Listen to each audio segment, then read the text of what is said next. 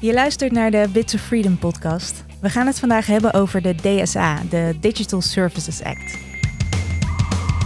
Geen datalekken, achterbakse tracking, geen bizarre wetten, gewoon geen wereldvreemde shit voor het wereldwijde web. Wil jij weten wat er speelt rondom het internet? Dit is Bits of Freedom. Ja, de DSA, de Europese wet die eindelijk regels oplegt aan online platformen en onze fundamentele rechten moet gaan beschermen.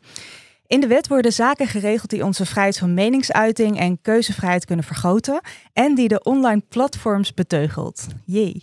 Ehm, dat is belangrijk, want uh, grote internetbedrijven zoals Google en Meta profileren jou en mij als we online zijn, zelfs als we hun services niet gebruiken. En heel veel mensen gebruiken die diensten wel. Ik ook. Ik heb nog een Instagram-account. Ik gebruik Google toch wel wat vaker dan DuckDuckGo als ik even snel iets op wil zoeken. En ik weet dat ik dat privacy technisch beter niet kan doen, maar ja, het is wel echt heel handig. Anyway, dus nu een wet die ons beter moet beschermen tegen de grijpgrage handen van de techgiganten. Uh, ik praat daarover met Lotje Beek, die zich voor Bits of Freedom onder andere bezighoudt met de platformen en Europa. Hoi Lotje, heb je er een beetje zin in? Hey Inge, ik heb er zin in. Jee. En uh, Evelyn Austin. Hoi Evelyn. Hallo. Directeur van Bits of Freedom en mijn vaste tafelgast in deze nieuwe podcast van Bits of Freedom. Een podcast waarin we alles over het internet zullen bespreken. En als ik zeg alles, dan bedoel ik ook alles. Van internetprivacy tot cyberkunst, van netwerkkabels tot wetgeving over bijvoorbeeld die big tech bedrijven waar we vandaag over praten. Um, je maakt kennis met iedereen van Bits of Freedom en wij maken hopelijk kennis met jullie, de luisteraars, in onze vaste vragenrubriek, waarbij jullie zelf vragen in kunnen sturen, die dan in de podcast behandeld zullen worden. Mijn naam is Inge Wanet. Welkom bij de Bits of Freedom podcast.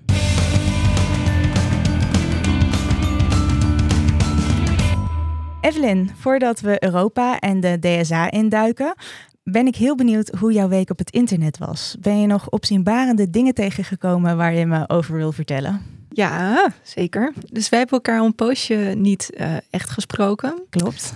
Dus dit is een iets ouder nieuwtje. Maar waar, ja, naar aanleiding daarvan ben ik echt de afgelopen week weer in een soort rabbit hole beland.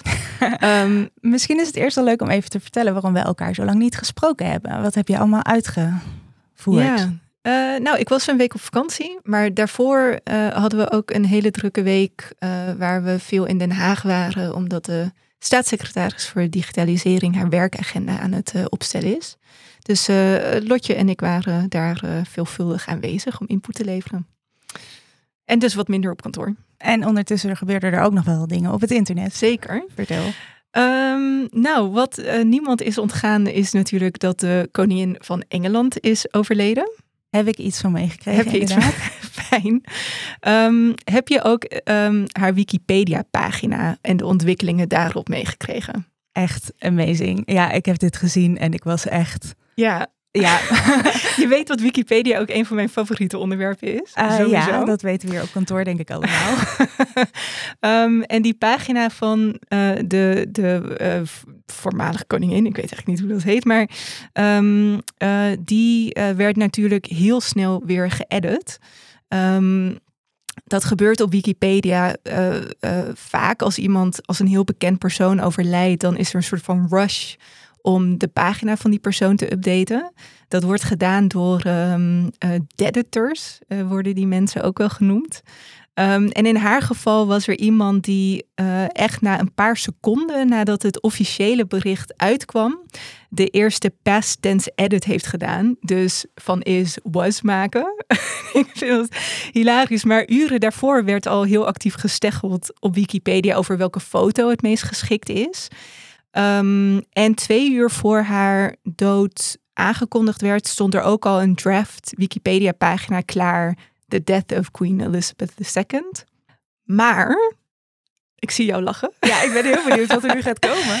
Dus ik vond dat, ik vond dat super grappig. Um, ik, ik heb echt een haat-liefde verhouding met Wikipedia. Um, ik wist niet dat doodgaan op Wikipedia echt zo'n ding was. Dus van die editors had ik wel eens gehoord. Maar Um, eh, ik zag, eh, dus er kwam een artikel voorbij van een Nederlandse man, hij Kranen, we zullen de linkjes wel even toevoegen straks, eh, die zei, ehm, voor Wikipedia is doodgaan de meest belangrijkste evenement in jouw leven. Omdat er dan echt een enorme spike is in het aantal page views en in het aantal edits.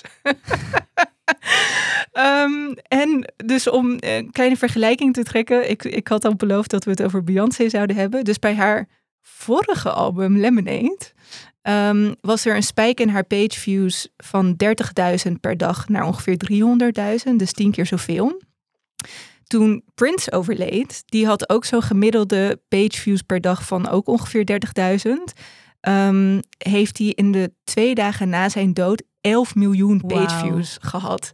Dus het is gewoon echt het moment waarop Wikipedia ook gebruikt wordt, zo actief. Anyway, klein beetje een rambly toevoeging. Ik ben toen in een Wikipedia rabbit hole beland. Ik vind er echt zoveel rondom Wikipedia echt best wel matig hoe mensen met elkaar omgaan. Maar je hebt binnen Wi- Wikipedia ook eh, pagina's die gaan over overleden Wikipedia-editors. Ehm, waarop mensen dus met elkaar, Wikipedianen met elkaar bediscussiëren. We denken dat een andere Wikipediaan is overleden. Oh. Kunnen we dat vaststellen? Is het relevant genoeg om die persoon toe te voegen aan de pagina van overleden Wikipedianen? En, en dit, het is Wikipedia, dus dit wordt allemaal in de openheid bediscussieerd. Dat gaat ook helaas op de typisch Wikipediaanse manier. Dus soms best wel bot en een beetje, ik mocht niet schelden, maar dus laten we zeggen rot.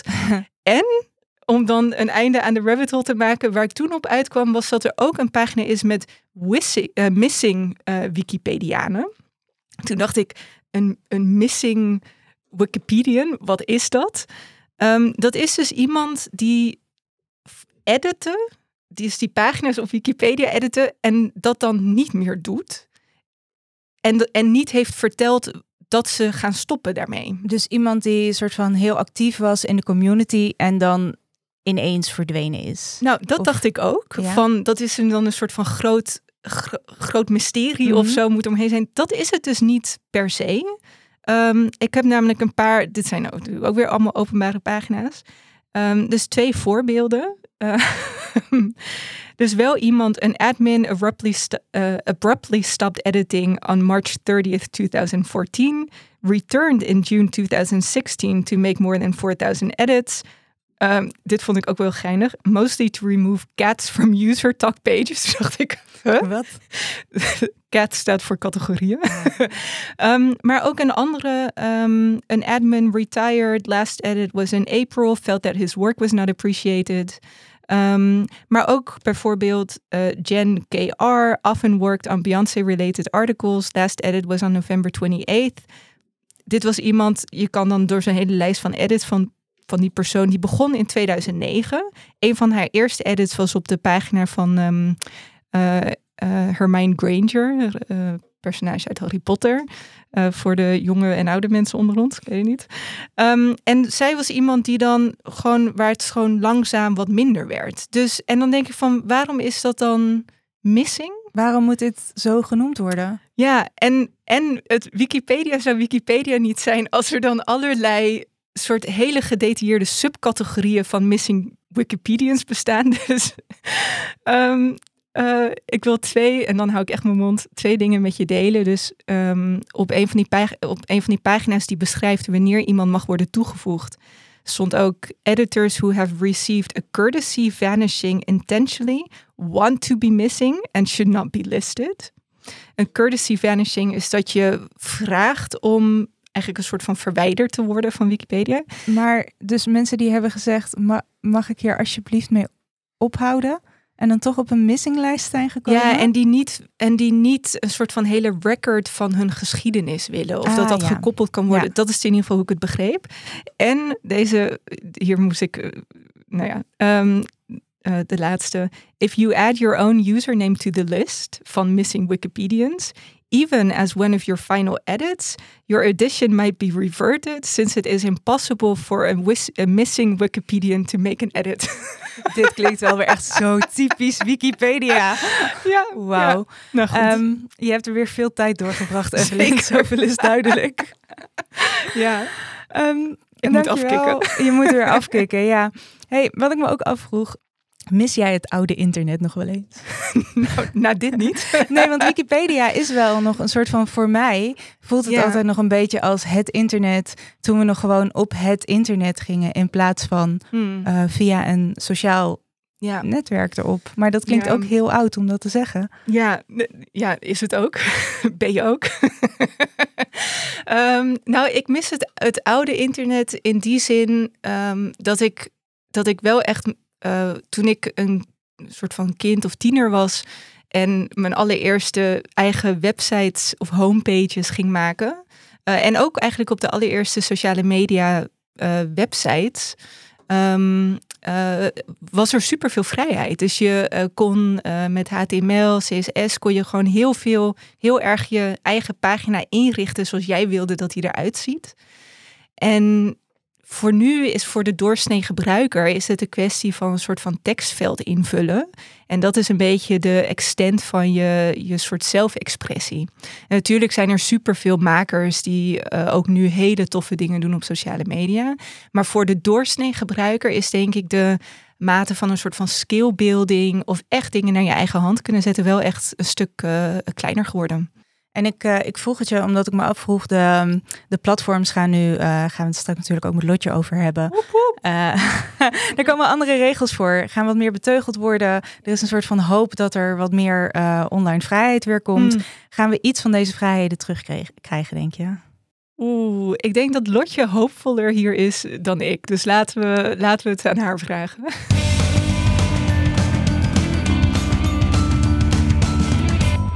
Lotje, de DSA, kan je ons uitleggen wat het, eh, wat het precies is? Eh, ja. Dus de DSA is een wet. Eh, het staat voor Digital Services Act. Die komt vanuit de Europese Unie. Dus hij gaat ook gelden in de hele Europese Unie. En in die wet worden grote en minder grote platformen regels opgelegd. Dus hoe het nu is, is dat de, de wet die hier een soort van over gaat, is 20 jaar oud. Dus de tijd dat jullie websites maakten en ik op de crash zat. Eh, en, ehm, dus, en in die tijd is er heel veel gebeurd op het internet. Eh, er zijn online platformen gekomen en die zijn mega, mega groot geworden. En eh, heel dominant. En daardoor is ons hele internet of onze hele communicatie op internet ook een soort van afhankelijk van die platformen. Waaronder dus bijvoorbeeld de platformen van Meta, dat zijn Facebook, WhatsApp en Instagram, maar ook van Google, waar ook bijvoorbeeld YouTube onder valt.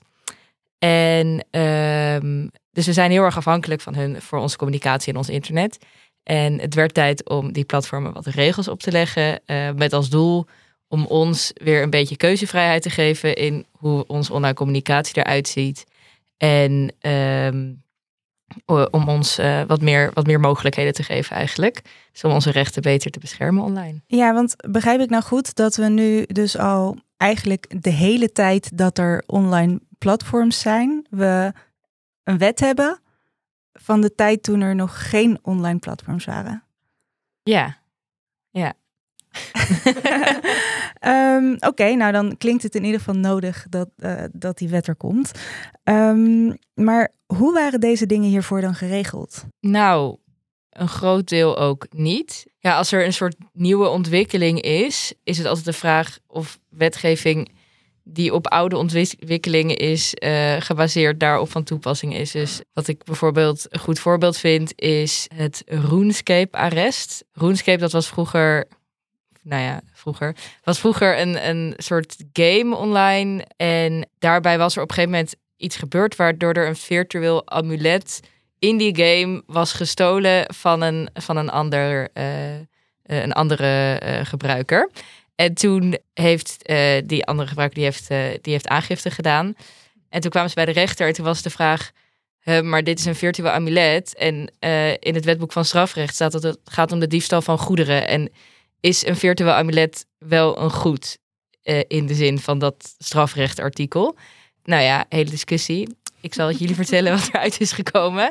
Eh, dat, dat was in, hadden ze bedacht van dat was inderdaad een goed. En toen hebben ze dus nieuwe eh, soort van maatstaven wanneer iets een goed is. Waaronder dus bijvoorbeeld waarde in het economisch verkeer toegevoegd. Maar dus als er nieuwe ontwikkelingen zijn, dan is het altijd maar de vraag.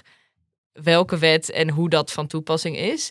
Dus er zijn wel wat dingen een soort van, van toepassing. Of er zijn wel wat rechtszaken geweest. eh, maar in die rechtszaken moesten eh, mensen het ook altijd weer opnemen tegen de giganten. Wat niet helemaal eerlijk is altijd. Dus eigenlijk gingen die platformen een beetje hun gang. En zo bleek ook maar weer uit bijvoorbeeld de manier waarop zij eh, content modereren. Dus de, de, de berichten die zij verwijderen of die ze laten staan juist. Of de manier waarop, of de volgorde waarop zij content aan ons laten zien.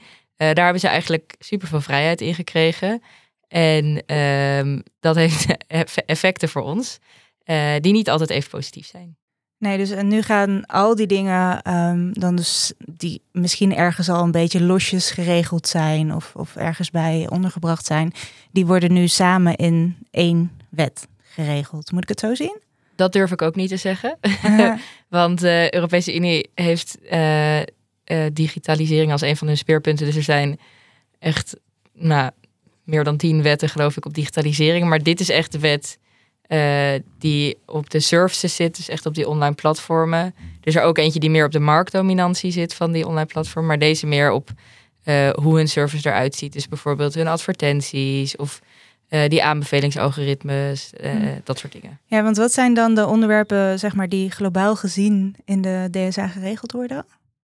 Waar wel heel erg mee geadverteerd is, is eh, dat dingen die offline illegaal zijn, ook online illegaal eh, moeten zijn. Dus dat is eh, de contentmoderatie. Ehm, wat ook heel goed, heel, heel breed geregeld is, is manieren om in bezwaar te gaan tegen een beslissing van een platform of daarover te klagen. Advertenties worden geregeld, een beetje de design interfaces van platformen, eh, toezicht. Nou ja, het, is, eh, het is best een grote wet. Ik geloof iets van eh 80 artikelen of zo. Dus er wordt wel heel veel geregeld. Ja, dat En- klinkt Oh. best flink. Vertel Ja, nee, ja, ik moet, dus dat is super flink. En dan heb je de Digital Markets Act en nog de oude stukken wetgeving waar Lotje naar refereerde. Dus e-commerce, stukjes telecomwetgeving, GDPR, auteursrecht. Zijn ook allemaal wetten die wel raken aan de platforms en die ook allemaal gewoon blijven bestaan. Dus het is, het is niet een soort dat, dat alles nu gebundeld is en het heel overzichtelijk is wat er nu moet eh, gebeuren en wat, wat de verplichtingen zijn. Nee, ja, dat, dus die verwachting had ik eigenlijk een beetje. Ja, omdat het ja. zo, eh, nou ja, op, op verschillende plekken geregeld is, dacht ik, oh ja, nu na al die tijd wordt alles een soort van in één wet gegoten. Maar dat, eh, dat is het niet. Ja, ik denk dat je het een beetje moet zien dat dit een soort van de hoofdwet is. En dat er dan allemaal dingetjes zijn die ook inderdaad, zoals Evelyn zegt, eh, ook de platformen raken. Maar ook omdat die platformen die opereren natuurlijk zo breed. Het is eh, niet alleen een berichten-app eh, waar Meta mee bezig is, maar ook een social media app en ook advertentiesystemen en ook gegevensverzameling. dus aan de ene kant is het vervelend dat het niet allemaal op één plek is, maar aan de andere kant begrijp ik het ook wel, want dit zijn gewoon de grootste bedrijven die er zijn. Zo- Zo'n Amazon of zo, ja, dat, dat zit zo overal Ja, dat, het wel logisch is dat het niet één wet, één wet is die dat kan reguleren. Ja, logisch. Hey, en wij maken ons bij eh Bits of Freedom eh, natuurlijk al eh, heel vaak boos over, over wat de platformen doen. En eh, jij hebt nu die, de tekst van de DSA gelezen. Ehm, wat vinden wij als Bits of Freedom, dus wat vind jij het, het belangrijkste dat er nu in de DSA geregeld wordt?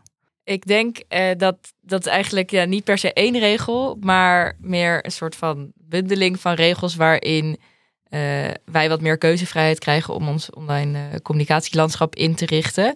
Ehm, dus een voorbeeld daarvan is die aanbevelingsalgoritme. Dus dat zijn systemen die bepalen in welke volgorde wij content aangeraden krijgen.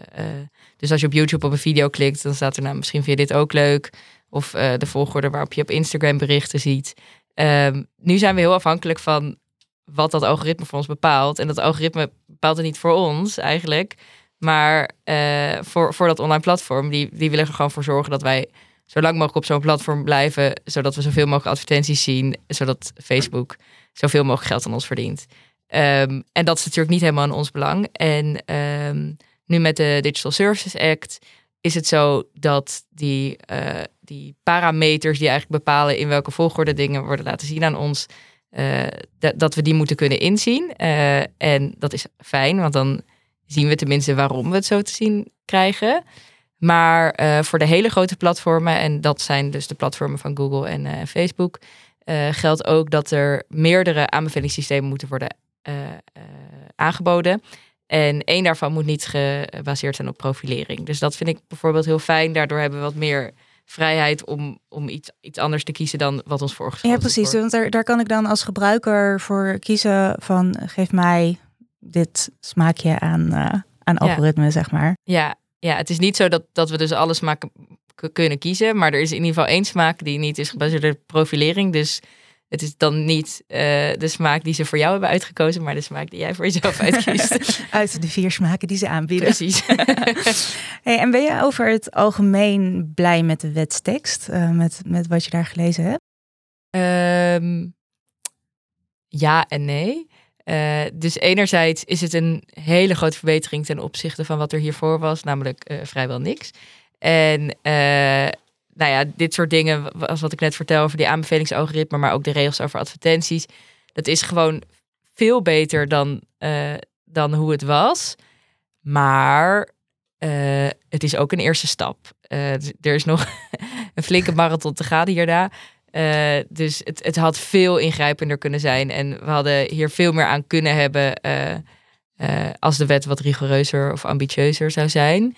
Ehm, maar goed, je kan ook niet alles in één keer hebben. Eh, dus we gaan gewoon ook ons inzetten om eh, dat nog voor elkaar te krijgen in de toekomst. Maar voor nu denk ik dat het een heel goed begin is. Ja, dus goede eerste stap. Ehm, en waar, waar zie jij nog ruimte voor verbetering? Zou je een paar dingen kunnen noemen waarvan je denkt, goh, zou toch echt nog wel even, even een schepje bovenop kunnen? Ja, dus eh, bijvoorbeeld ehm, bij de regels rondom advertenties, dat daar hebben heel hard op gewerkt samen met eh, eh, alle andere partijen van civil society. Dus eh, hoe die advertentiemechanismen eigenlijk werken op grote platformen is. dus Google en Facebook die, die verzamelen heel veel informatie over ons. Dat doen ze op hun eigen platformen, maar ook op alle andere websites via cookies en pixels en dat soort engigheid. Dus zij hebben eigenlijk een super groot beeld van ons gedrag online. En we zijn heel veel online. Dus ze weten heel veel over ons. En op basis daarvan stellen ze een soort profiel van ons op. Ehm, al dus profilering.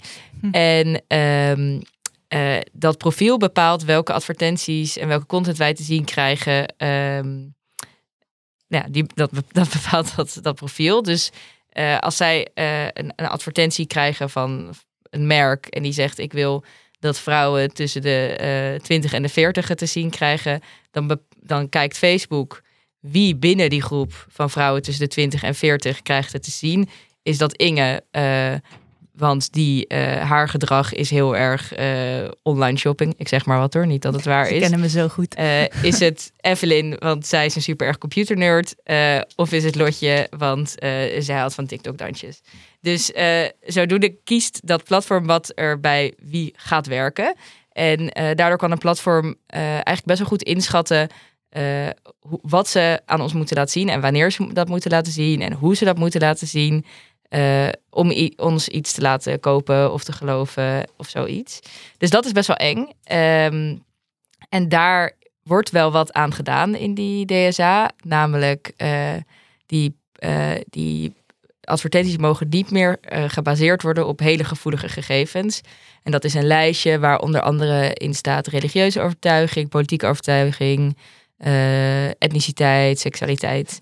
eh, dat soort nou, gevoelige gegevens. Dat is fijn, maar eigenlijk vinden wij dat dat hele tracking gewoon voorbij moet zijn. Eh, want eh, ook als het niet gevoelige gegevens zijn en welke, gevoelig, welke gegevens zijn nou niet gevoelig, eh, is dat best wel kwalijk. Dus eh, daarin had, eh, had de DSA zeker een stap verder gemogen. En zie je verder nog ruimte voor verbetering in de tekst? Nou, er was wel één ding wat een beetje eh, op het laatst in dat hele wetgevingsproces erbij kwam, eh, waar we daarvoor eigenlijk geen één keer over hadden gehad. En dat is het zogenaamde Crisis Response Mechanism. Eh, dus die wet is de afgelopen anderhalf jaar gevormd tijdens helaas best wel veel crises.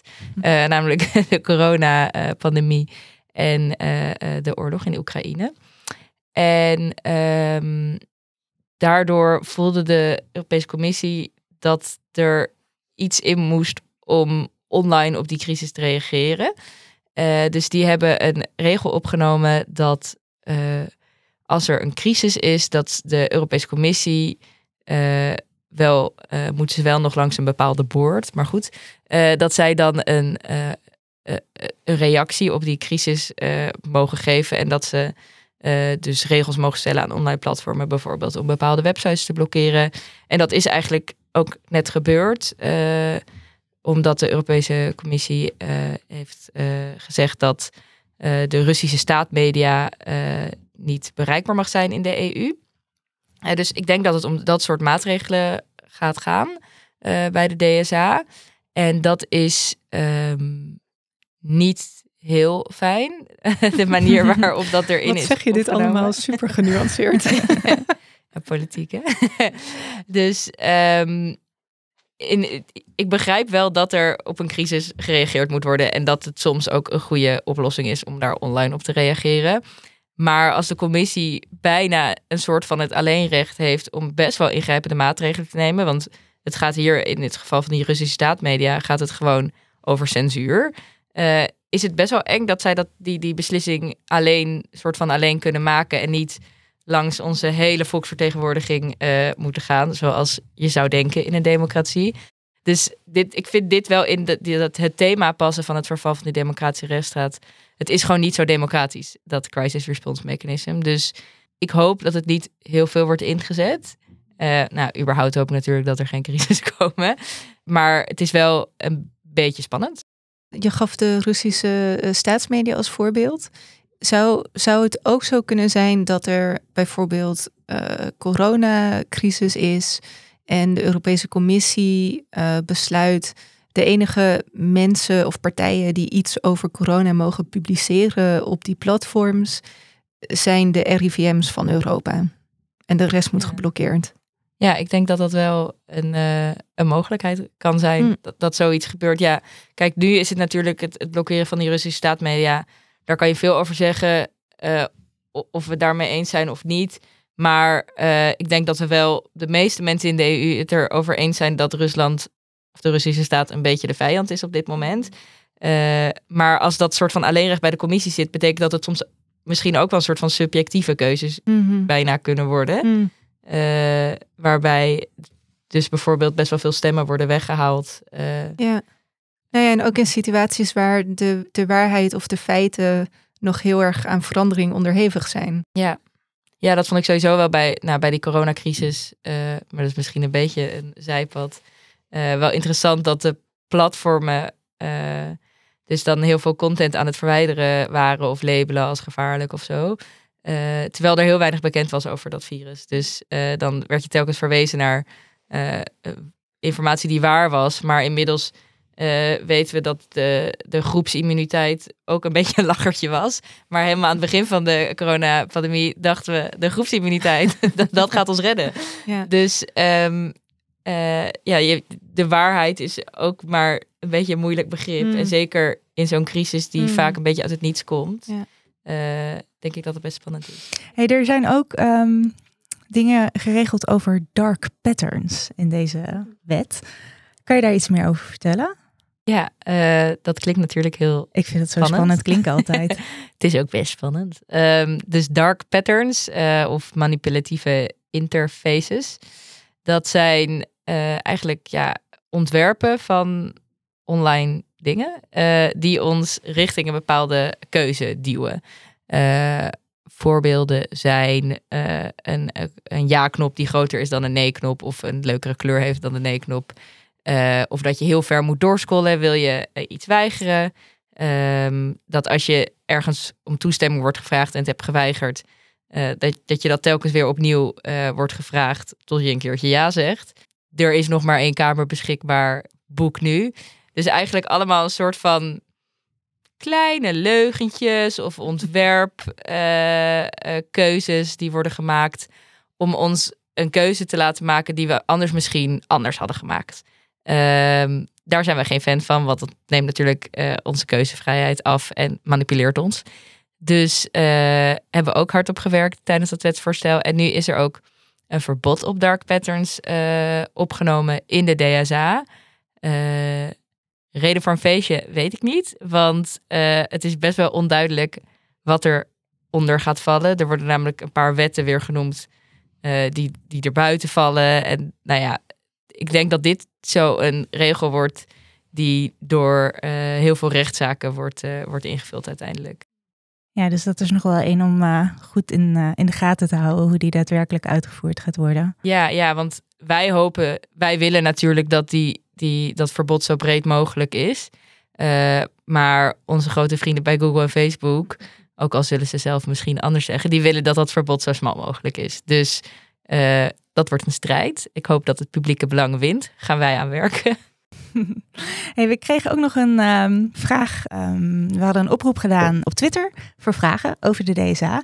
En we hebben een vraag uitgekozen en die gaat ook eh, over de inhoud van de wet. Dus ik dacht, ik ga hem je laten horen en eh, misschien heb jij er een antwoord op. Leuk? Hey, hallo. Ik had eigenlijk wel een vraag over de DSA en dan met name ja, over ehm, hoe men omgaat met kinderen en minderjarigen. Die zijn natuurlijk heel veel online tegenwoordig. Maar wordt er ook iets in de wet geregeld over hoe zij op het internet beter beschermd kunnen worden? Ben echt benieuwd. Nou goed, eh, er wordt eh, van alles geregeld eh, voor kinderen ook eh, in de DSA. Eh, dus ik denk dat de DSA minderjarigen toch als een iets kwetsbaardere groep ziet dan eh, meerderjarigen. Terwijl wij allemaal weten dat er ook heel veel minderjarigen zijn die, eh, die veel eh, slimmer zijn dan heel veel meerderjarigen. Zeker Maar- op het internet. Zeker op het internet. Ehm, maar eh, dus die advertenties waar ik net over vertelde, eh, die zijn anders geregeld voor minderjarigen. Advertenties mogen namelijk voor minderjarigen niet op trekking worden gebaseerd. Dus dat betekent dat het gedrag van een minderjarige online niet tot bepaalde advertenties mag leiden. Dus als mijn kind de hele tijd naar eh, de Intertoys website gaat, mogen daarna geen Intertoys advertenties Exact. getoond worden. Oké. Dus eh, daardoor minder manipulatie voor die kinderen. Dat is heel tof. Ik wou dat dat er voor ons ook was. Want eh, ja, sommige mensen hebben ook bescherming nodig. nou, eigenlijk heel veel mensen hebben. Iedereen heeft bescherming nodig. Niet alleen, niet alleen kinderen. Maar ik vind het wel heel tof dat die, dat die regel er in ieder geval is voor minderjarigen. Eh, een hele goede stap in de eerste richting. En ik geloof dat ook echt heel veel, eh, heel veel mensen in Brussel eh, daar ontzettend blij mee zijn. Een andere regel die er voor kinderen specifiek bij is toegevoegd, gaat over de algemene voorwaarden. Dus jullie kennen het vast wel als je een social media account aanmaakt of een app downloadt, dat je dan akkoord moet gaan met de algemene voorwaarden. En dat dat dan heel lang is en je totaal niet begrijpt waar het over gaat en het niet wil lezen. En vanuit Lekker. mijn werk bij Bits Vinnen moet ik natuurlijk zeggen dat ik het wel lees. Knipoog. maar ze zijn zo lang. Ze zijn zo lang. En eh, dat is sowieso iets wat wordt aangepast in de Digital Service Act. Maar eh, voor kinderen specifiek eh, is daar wel een toffe regel opgenomen. Namelijk als platformen gericht zijn, vooral gericht zijn op minderjarigen, of vooral gebruikt worden door minderjarigen. Ik denk dan bijvoorbeeld aan een TikTok, maar misschien is dat nu ook al wel weer 18 plus. Eh, maar goed, dat soort platformen, ehm, die moeten hun eh, algemene voorwaarden aanbieden in een taal die minderjarigen begrijpen. Eh, dus zodat ze niet, ja, ik vind dat echt heel tof. Het lijkt me ook best wel een uitdaging, omdat Hmm. iemand van zes is natuurlijk wel weer anders dan iemand Ja. van 16. Ik weet niet op welke leeftijd Hm. mensen tegenwoordig beginnen met TikTok. maar dat is wel ik, ja, een, brede, eh, een brede groep. Maar ehm, ik heb daar wel veel vertrouwen in. Ik denk dat dat wel, eh, wel tof gaat zijn. Dat ze in ieder geval weten waar ze mee akkoord gaan. Eh, ook al zijn ze er, nou ja, dan weten ze in ieder geval of ze het er wel of niet mee eens zijn. Ja, wat Eh, interessant. dus ik ben denk ik wel heel wel heel benieuwd naar de uitvoering daarvan, inderdaad. ja, ik ook. Ja, en dat is ook wel leuk. Dus voor ons, volwassenen, eh, wordt dat ook wel beter. Eh, dus de hele grote platformen, eh, die moeten een soort duidelijke samenvatting van hun algemene voorwaarden beschikbaar stellen. Zodat ook wij het een en ander begrijpen. Maar we kunnen natuurlijk ook de kinder, kindervoorwaarden lezen. Toen bij de kinderversie. Ja. Ehm, jij maakte ook een hele goede samenvatting overigens van de hele DSA. Die te lezen is op onze website. We zullen een linkje zetten in de show notes. ja, ik heb de acht eh, eh, dingen die het, eh, de, het meeste gaan veranderen voor, voor ons als gebruikers, heb ik, heb ik op een rijtje gezet. Heel fijn. En hoe gaat er nu verder het proces van deze wet? Wat, wat gaat er nu nog gebeuren en wanneer gaat die in? Dus wetgeving is een traag proces en de Europese wetgeving ook. Uh, dus we wachten nu 20 jaar op deze wet en het duurt ook nog heel even voordat die wordt ingevoerd. Um, dus rond nu zijn alle wetgevende instanties eindelijk helemaal akkoord, ook al wisten we dat al een half jaar. En dat betekent dat over 15 maanden de wet ook echt gebruikt mag worden. dus dat wordt begin 2024. Dus de grote platformen en de lidstaten van de Europese Unie, die hebben zo'n anderhalf jaar de tijd om, om zich klaar te maken voor, voor de start. Spannend. En ja. wat gaan wij doen in de tussentijd? nou, wij gaan ons ook klaarmaken voor de start.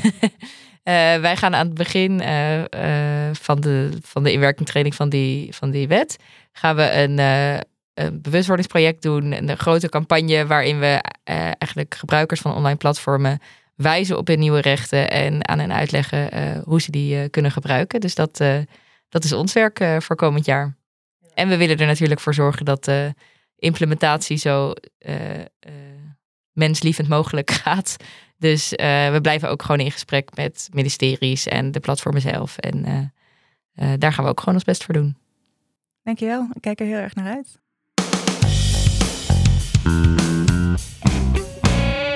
Elke week bellen we met iemand die iets tofs te vertellen heeft over het internet. Um, dat is heel breed. Uh, deze week bellen we met kunstenaar Julia Jansen. En ze houdt zich in haar werk bezig met de invloed van data en algoritme op haar toekomst. Uh, afgelopen zomer stond ze op Lowlands met een hele toffe installatie. Dear Data, How Do You Decide My Future? En uh, ze maakte in die installatie echt heel inzichtelijk welke persoonsgegevens big tech bedrijven over haar hebben opgeslagen. En hoe die data worden gebruikt en hoe die zich onderling tot elkaar verhouden. Um, het laat je heel erg nadenken over je eigen gedrag en identiteit op het internet. En uh, dat doet ze met onder andere duizenden tafeltennisballetjes. Echt heel vet. Uh, ik ga Julia bellen.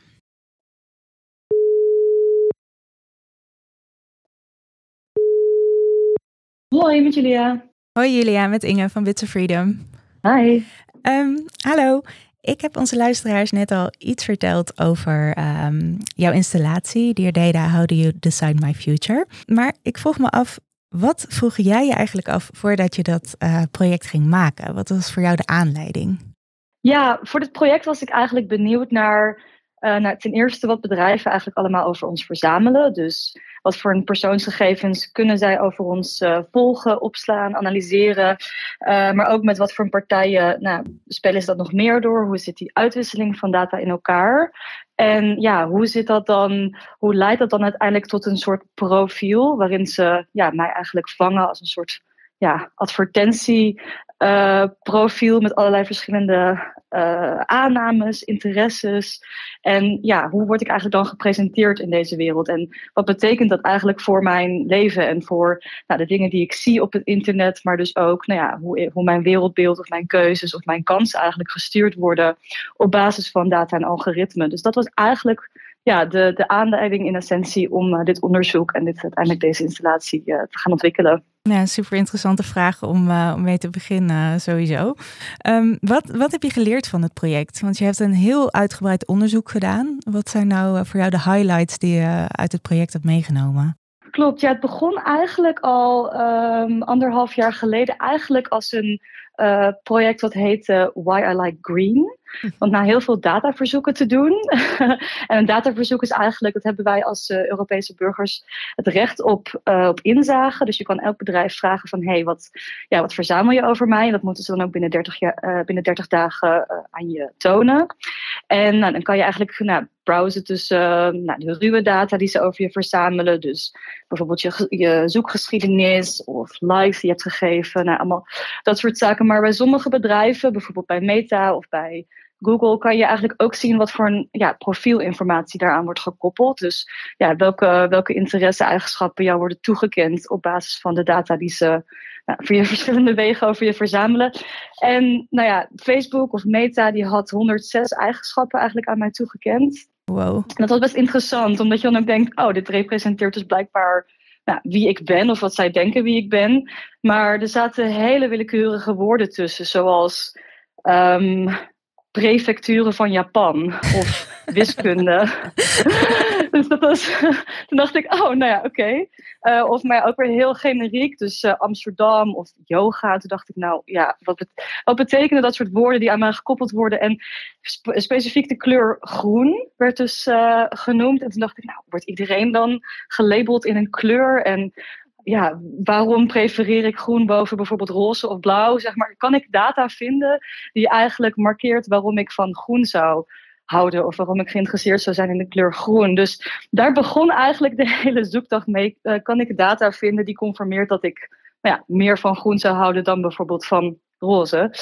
Um, en zo ben ik eigenlijk uh, ja, helemaal gaan onderzoeken hoe die infrastructuur zit van hoe metadata over ons verzamelt. Want nou, dat gaat echt veel verder dan uh, het platform zelf.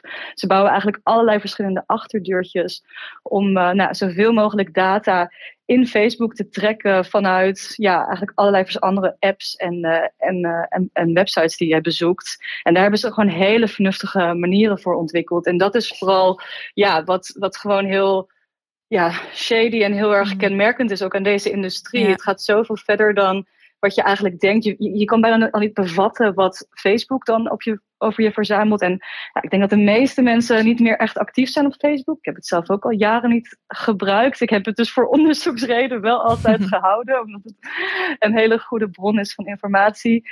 Maar om dan te zien dat zij eigenlijk informatie over je kunnen verzamelen van bijvoorbeeld uh, een dating app die ik heb gebruikt, omdat ze daar een soort Pixel integreren. Dat is een soort cookie-technologie die zij hebben ontwikkeld.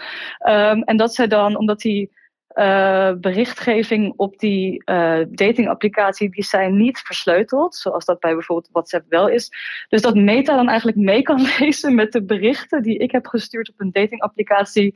Ja, dat zelfs na zes jaar onderzoek te doen naar dit thema, vond ik dat nog wel een level waarvan je denkt, oei, daar ja, daar gaat zoveel persoonlijkheid en zoveel intimiteit ook in zitten. Ja, dat is zo heftig dat ze dat dan echt mee kunnen lezen. Ik vind dat echt bizar. Ja, bizar toch? Ja. Ja, ja.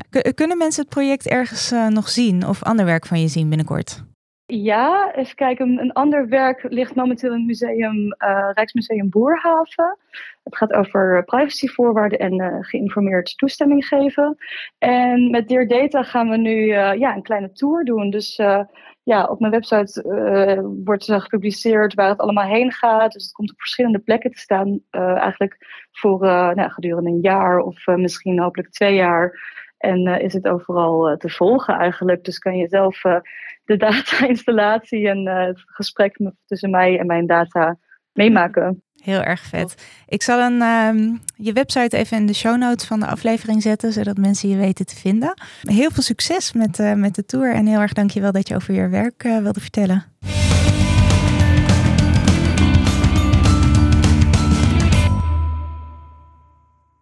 Deze podcast werd gemaakt door Bits of Freedom. Je hoorde mij, Inge Wanet, Evelyn Austin en Lotje Beek. We belden in met Julia Jansen. De podcast werd geproduceerd en geëdit door Randall Pelen van YOLO Media. Veel dank aan onze donateurs en natuurlijk aan jou, onze luisteraar. Wil jij ook onderdeel zijn van onze beweging? Ga dan naar onze website en doneer. Abonneer je op onze nieuwsbrief of meld je aan als vrijwilliger. Of stel een vraag in de podcast. Daarvoor uh, doen we regelmatig oproepen op bijvoorbeeld Twitter. We horen je graag.